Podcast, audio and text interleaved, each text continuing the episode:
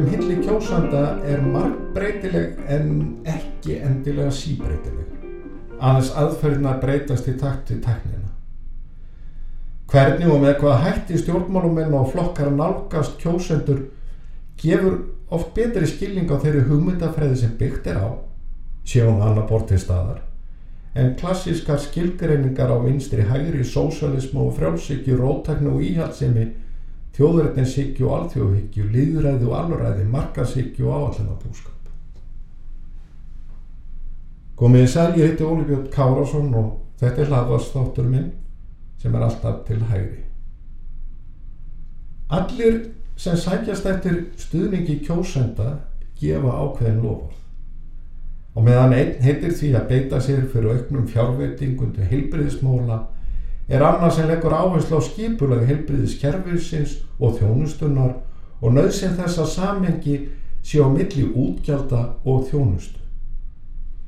Svo er það frambjóðandinn sem tilur nöðsynlegt að einfalda regluverk og gera framdagsmannum auðveldar að láta hendur standa fram úr ermum en á móti honum stendur sá sem segir það almanahagsmunni að byggja upp stert eftirlitskerfi og leifiskerfi en það sé aturreikundum ekki treystandi. Í hugumarkra er þetta allt í samræmi við hefðbunna skilgreiningar vinstri og hægri.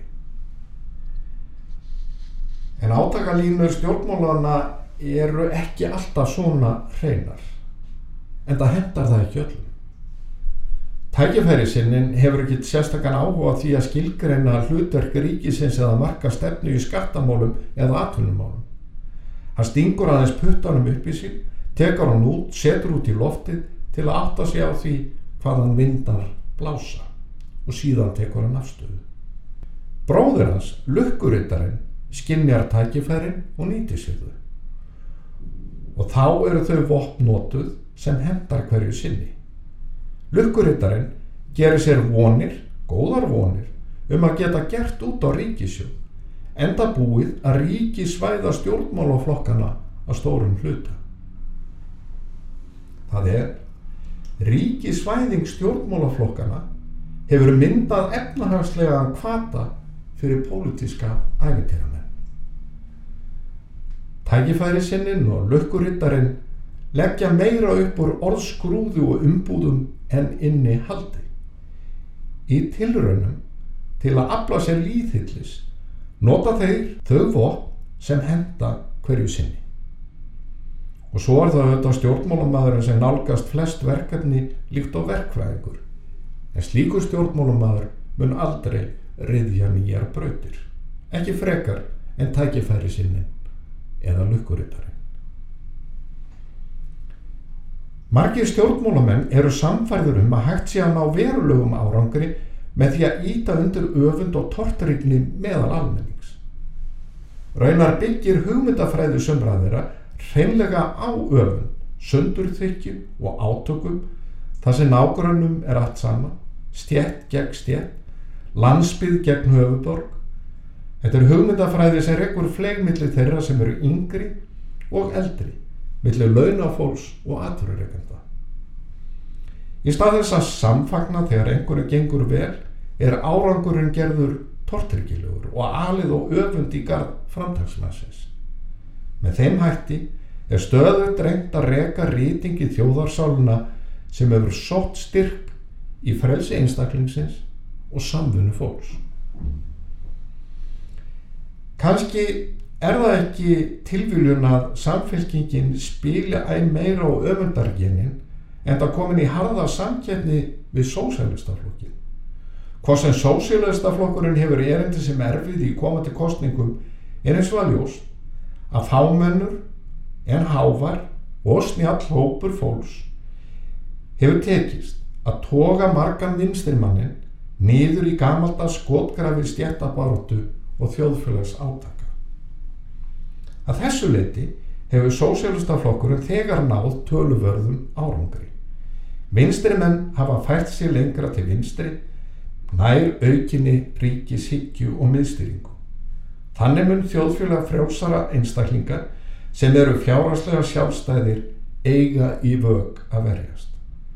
Og stjórnmála barátan fer að snúast í æmeira mæli um hvernig ég að skipta þjóðarkökunni en ekki um leiðir til að stakka kökuna. Því hlutvarsleg stærð kökusneiðarinnar skiptir meira máli en stærð kökunar og umsif ríkisins verða þannig mæli hverð á velferð og réttlæti. Aukin umsif er ekki aðeins æskileg heldur markmið í sjálfu sér í hugum þessa fólks. Baráta um jöfn tækifæri safnar því ríki í skúfum vinstimanna. Nú skal koma böndum á framdagsmannin, frumkvöðlinn, sem hefur verið dreifkraftur framfara og bættra lífskjara. Að gefa einstaklingum tækifæri til að njóta eigin dugnaðar og útsjónarsemi gengur gegn lífs viðþorfum sósjalista um jöfnuð. Í draumaríkinu ríkir jöfnuður jæmt í byðröðum sem annars þar og framdagsemi einstaklinga lamast og farvegu fyrir nýja hugsun og nýjar aðferðir hverfur. Jöfnuðurinn verður því alltaf niður og við en ekki upp. Í kapplöpi við sósélistaflokkin um líðhilli freistast æg fleiri vinstirmenn og samfélkingar sérstaklega að tilekka sér þá lífsbyggi að sæl sé sameigileg eind. Er hann um að fyrða að rótgrónir kratar hafi áhyggjur af þróuninni. Í februar síðastlinu taldi Finnutorfi Stefánsson fyrverandi þingmaður alþjóðuflokksins og alþjóðuflokkurinn gekk inn í samfélkinguna nöðsynlegt að byrta ádrepu í kjarnanum. Einhvers konar aðvöðun. Finnutorfi skrifaði meðal annars Þótt jafnaðamenn leggja áherslu á hlutverk ríkisins í því að skapa mannsamandi lífskjör fyrir fólk, eru þeir jafnframt barátumenn fyrir frjálsum markaði og að enga framta geti blómstrað hjá þeim sem það vilja. Nú á dögum hefur slíkt verið gert nánast ómögulegt með bóðum og bönnum, leifum, gjöldum og allskynns fargami sem drefur framtak manna í dróma. Baknið burt segja jafnaðamenn. Tilvitnu líkur.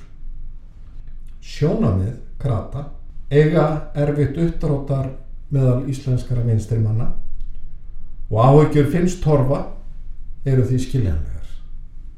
Kapplaupið millir samfélkingar og sósélista hefur gert krata endanlega landlausa í íslenskum stjórnum. Ég þakka þeim sem hlýttu eða í góðastu.